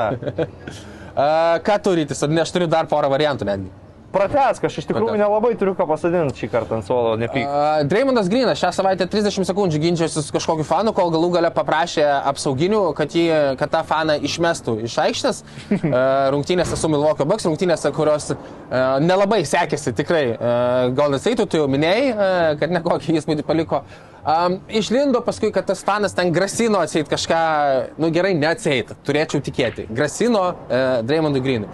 Nu, man yra absurdas. Daimonas Grinas e, pats ap, apsižodžiauja ir yra tikrai žmogus, kuris e, kartais vaidina, kad jisai visiškai mėgsta tą konfrontaciją ir dabar tu pradedi zysti, kad prašau išvesti, nes jisai, e, nes jisai pasakė kažkoks, tai aš mačiau paskui tą žmogų, kurį išvarė. Nu, žmogus kaip žmogus, tarsi aš apšauksiu Daimoną Griną užmušiu, aš tai ką aš užmušiu galiu. Aš Mokus iš geriausių, Lebronas. buvo- Jo, Lebronas paverkė jo draugelį Kur pirštais rodė, kad išveskit Išveskit man- tą žmogus, man, man trukdo žaisti. Man trukdo žaisti. Tai, tai sodinu Dreimoną Griną ant suolo. Ir e, Džolis Ambidas truputį iš konteksto išimta citata, bet, e, bet iš esmės, na, bendroje citatoje, duodamas interviu šią savaitę, gal, gal interviu buvo duotas anksčiau, bet uh, išlindo šią savaitę šitą žinutę, kad Ambidas sako, uh, Sixers fanai nori mane iš, išmainyti. Um, na, jis turi omeny, be abejo, šiaip jau, na, Sixers fanų gan tokie pagarsėjai yra lygoje, kad, na, nesibodės savo komandos ir nuputinėti, jeigu prastai žais ir visa kita. Bet ko, ko Džoelio Ambido Sixers fanai tikrai nenori išmainyti, Džoelį, čia gali pernelik didelio šito aukos vaidmens, kaip sakė, Nebūk naujų Benų Simonsų. Jo, nebūk naujų Benų Simonsų, tavęs jie tikrai nenori išmainyti ir, ir, viskas, ir viskas gerai. Baigiai leftiste. Baigiau. Galime e, judėti, ne? Klausimai. E, Ugninė lapė, Firefox, mūsų klausia. Beje, klausimus galite užduoti Instagrame, e, kviečiame jūs ten, jūs mūsų ten sekti. Um, kiekvieną savaitę sugerinėjame jūsų klausimus, o taip pat e, pirkite prekes su kodu 315 ir gerkite alkoholinį švyturų alų. Laida dar nesibaigė. Klausimai. Firefox klausia, gal galite paaiškinti, kas yra ir buvo Linsanity? Uh, Tai buvo vaikinas, kuris... Na, ne, čia buvo visas reiškinys, reikia sakyti. Ai, tai reikia ne... Nu, bet reikia gal kalbėti baigt- pradėt nuo vaikino tai, nuo ko prasidėjo. Tai um, buvo vyrukas, kuris iš pradžių kabinosi, 2012 metai. kabinosi už kontraktų, MBA bandė įsitvirtinti, atsidūrė New Yorko Knicks organizacijoje ir kaip tik taip išėjo, kad artėjant kalėdoms pradėjo bičias vieną po kito renkti įspūdingus klač pasirodymus. Tai buvo ir rungtynės prieš Kobės Lakerius. Ir Ir buvo... prieš Toronto Raptors Ir buvo Toronto game Raptors, winners. ir Game winneris ir ten taškų serijos beprotiški pasirodymai. Ir Madison Square Garden arena gyveno tiesiog linsenti ritmu. Jeremy Linas yra vardas pavardė, be abejo, iš to gimė. Po to tas vaikinas e, dėl savo šių žygdarbių užsitarnavo gan didelį kontraktą iš Houston Rockets e, or- organizacijos.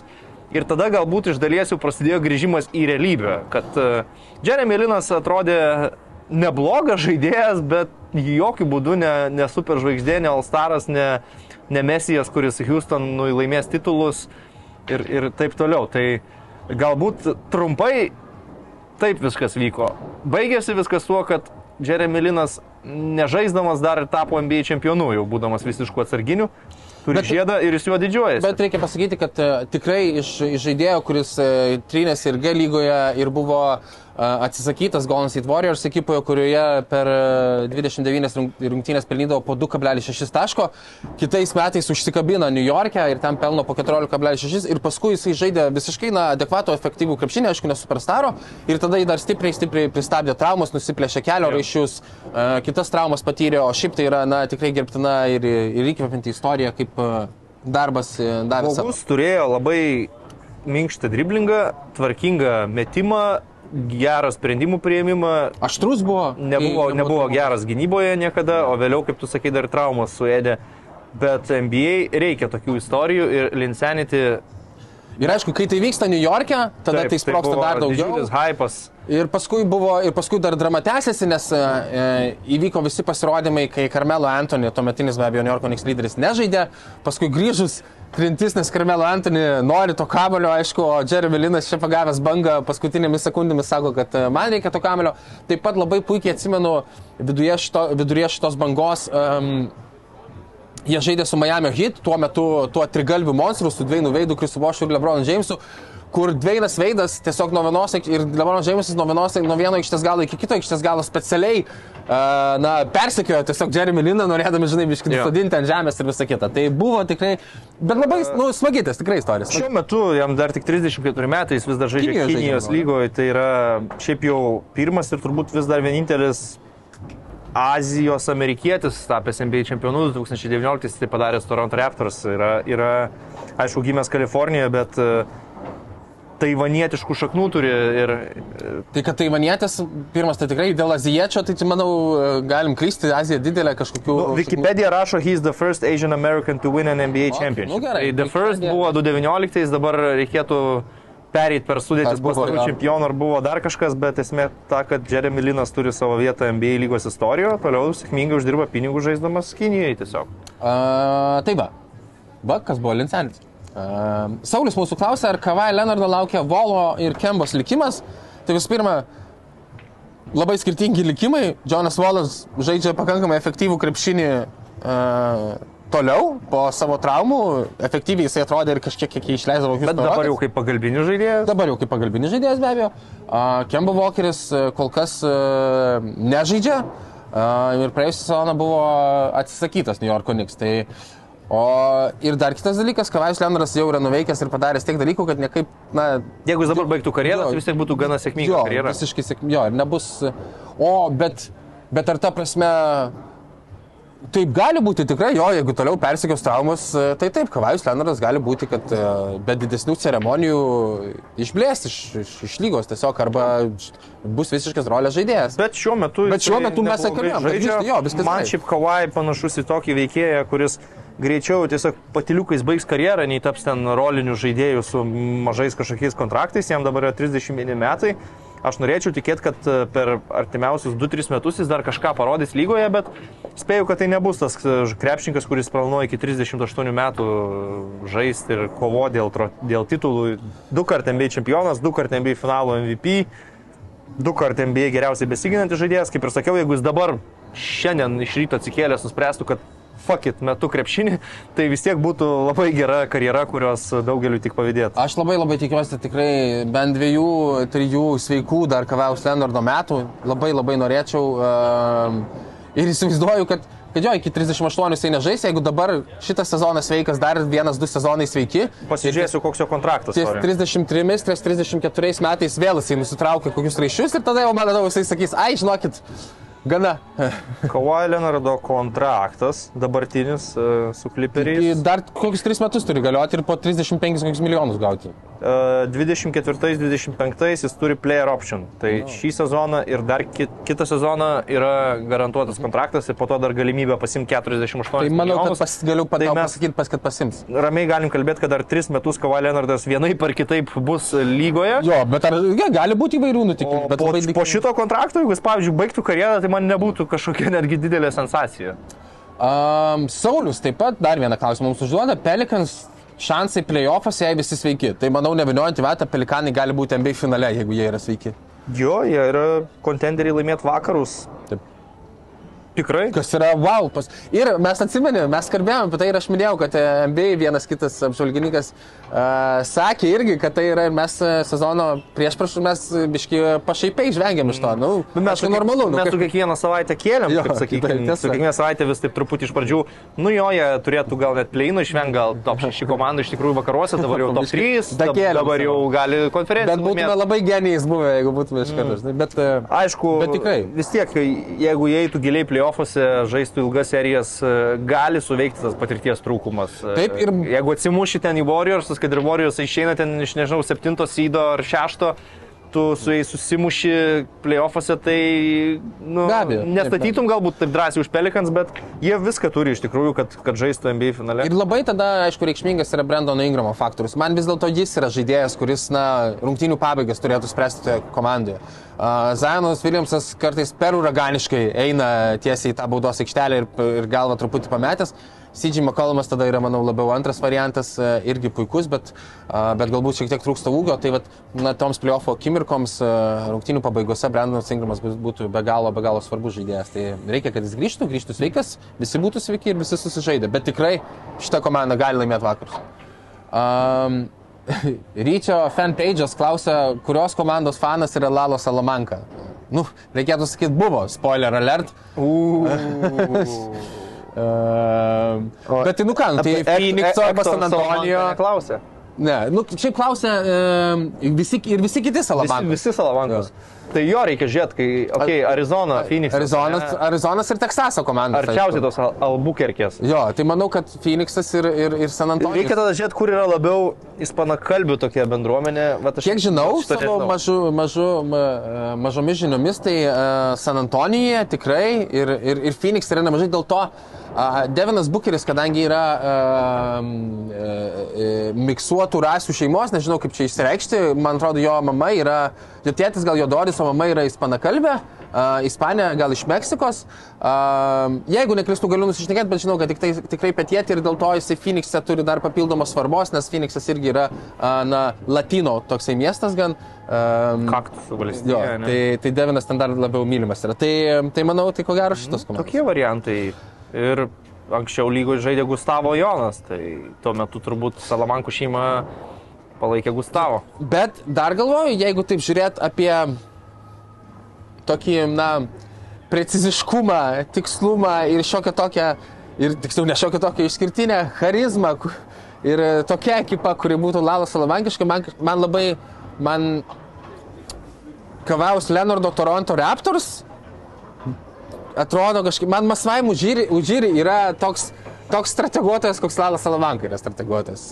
Toks šaltakraujiškai žudikiškas. Game recognize game. Game recognize game, kad būtų šitas variantas galbūt. Okay.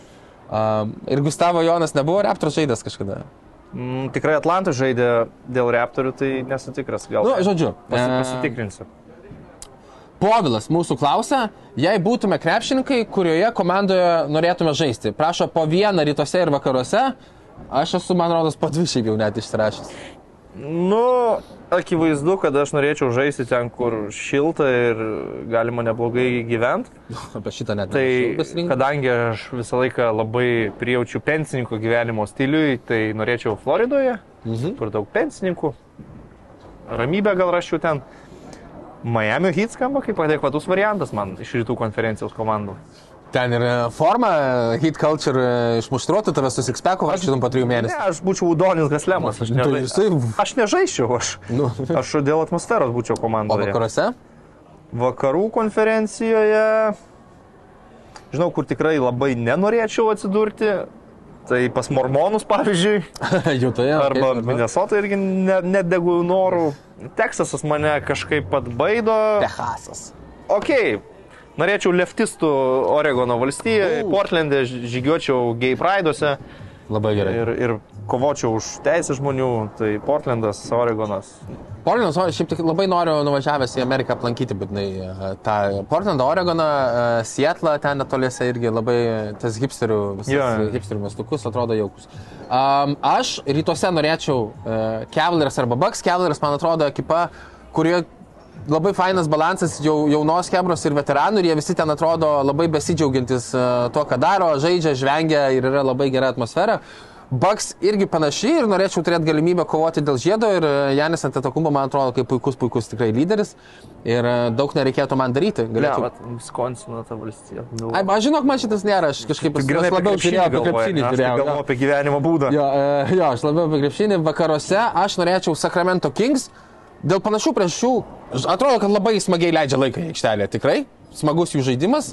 Aišku, smagus su lietuviu kitų domintų savoliu būtų žaisti. Ir, ir šilta tada jau, jeigu taip, bet aišku, na, netoks gal, netoks puikus centras, nors Kalifornijos valstijos sostinė yra būtent Sakramentas. Jo. Um, ir taip pat Grizzlies norėčiau irgi žaisti, smagu ir iš arti matyti, kaip skraido Džamorantas, man atrodo, apalpčiau, aš gal per čia jau treniruotę. pasirinkai Tiesiog laikomą, blog, stebėti. laikomą blogiausią miestą ir blogiausią valstiją. iš Memphis, ar ne, tenisys, nu kodėl? Jo. Nu ten, Reikia Jono Valančiūno, Jonai, parašyk mums. nu kaip, kaip e, sakyt, laikoma gyvenimas. bomžynų reikėtų garsiai vadinti dalykus savais vardais. Um, nu, man žinai, uh, Vice Stripes su Jackas White'as. Ne, bet aš supratau, kad tavo prioritetai yra labiau pagal einamą rosterį Nu, komandą. labai šiek tiek taip jo pagal vaibą komandų ir panašiai. Ne, ne miestus pagal e, klimato zonas. Gerai, gerai, gerai. Supratau, supratau. Uh, ok, Arnas mūsų klausia, koks yra labiausiai underrated ir overrated krepšininkas šiuo metu lygoje. Um, tai aš tiesiog vertinant dabartinę situaciją, nesakau, kad žaidėjas tikrai yra blogas, bet uh, turint omeny, kaip užsihypinome mes ar kai kurie kiti apžvalgininkai už Atlanto uh, dėl Scotty Barnso ir kaip jisai atrodo šiame sezone, tai uh, Tai yra šiek tiek overreitiškumo, aišku, visiškai normalu. Antrametis žaidėjas gali būti, kad pramušęs jisai atsimušė į kokią, į kokią sieną ir, ir atrodys vėl puikiai. Tai tikrai, tikrai nenoriu, kad e, pradėtumėt e, Raptors fanai mane peikti ir staukti ant manęs. Gali būti, kad viskas bus gerai, bet tiesiog, kad mes šiek tiek overreitinome tą, tą žmogų. Um, ir lygiai taip pat tada pasirinkau, galvojau, kad jo atitikmo būtų kai Scotty Barnesas laimėjo geriausio naujoko titulą, penktas liko Francas Wagneris, penktas, kuris dabar, manau, na, yra, na, aišku, nežinau, nebūtinai topinis e, žaidėjas iš tos naujoko biržos, ten yra Evanas Mobley, Kėdas Cunninghamas, Jėlinas Grinas, bet žodžiu, kad Francą Wagnerį mes kaip tik underreitiname ir jisai atrodo nuostabiai Orlando gretose. Ir honorable mention, aš žinau, kad kažkuris iš Minnesotos aukštų ūgių yra labiausiai overrated žaidėjas, bet nežinau kuris. Jūs man pasakykit. A, Rudy Goberas drąsiai gali būti vadinamas labiausiai overrated lygos žaidėjų pagal kontrakto proporciją ir, e, Ir tai, duodamą ką- jisai duoda komandai. Bet aš gal kaip Gynybai. tokį overrated žaidėją išsiskyriau Bradley Bylą, nes per daug metų jis yra tiesiog tuščias koreris, e, nieko nelaiminčioje komandoje ir per karjerą kaip, kaip komandos žaidėjas absoliučiai nieko nepasiekęs ir neįrodęs. Nu, kartu su Johnu Wallu jie žaidė adekvačiai visai. Paskui, kai neliko su kuo žaisti. Aš turiu omeny, kad jis nieko nėra pasiekęs absoliučiai. Nu, antras raundas playoffų. Nu.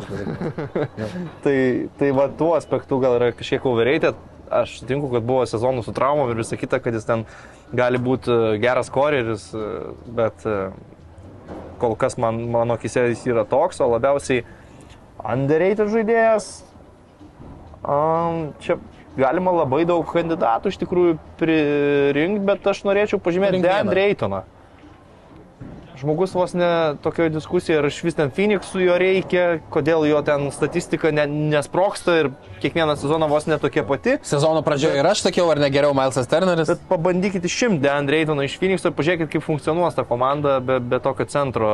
Tai yra žaidėjas, kurį Monty Williamsas statys prieš Janį gintis, jeigu žais seriją su Milwaukee, statys prieš Zioną gintis, jeigu žais seriją su Pelicans. Tai yra vienintelis toks kūnas komandoje ir ne viskas yra viena apie statistiką ir apie dvigubus dublius. E, Aš sutinku, kad jis gal ne viską tobulai ir, ir, ir padaro, bet, bet iš principo tai yra geras centras, kuris, manau, vertas šiek tiek daugiau pagarbos. Kalbant apie gerus centrus, paskutinis klausimas. Martinas mūsų klausia, ar Jonas Valančiūnas būtų geriausias Eurolygos žaidėjas? Ne.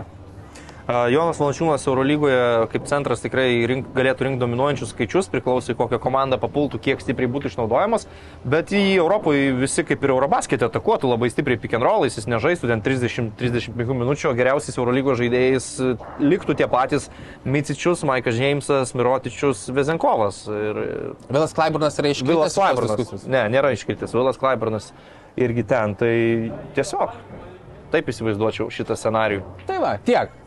Ačiū Jums už Jūsų meilę ir už neapykantą, kaip sakė Andrius Mamontovas paskutinėme foje koncerte. Susitiksime kitą savaitę. Sakė, ačiū už meilę ir neapykantą, ne, susitiksime kitą savaitę, sakė foje koncerte. Jeigu ką. Mm. Bet vis tiek sutiksim kitą savaitę. Ja, ateikit. Top Sport - pagrindinis Kauno žalgerio rėmėjas. Top Sport - kazino lašimo automatai, ruletės, stalo lašimai lažybos. Nesaikingas lašimas gali sukelti priklausomybę.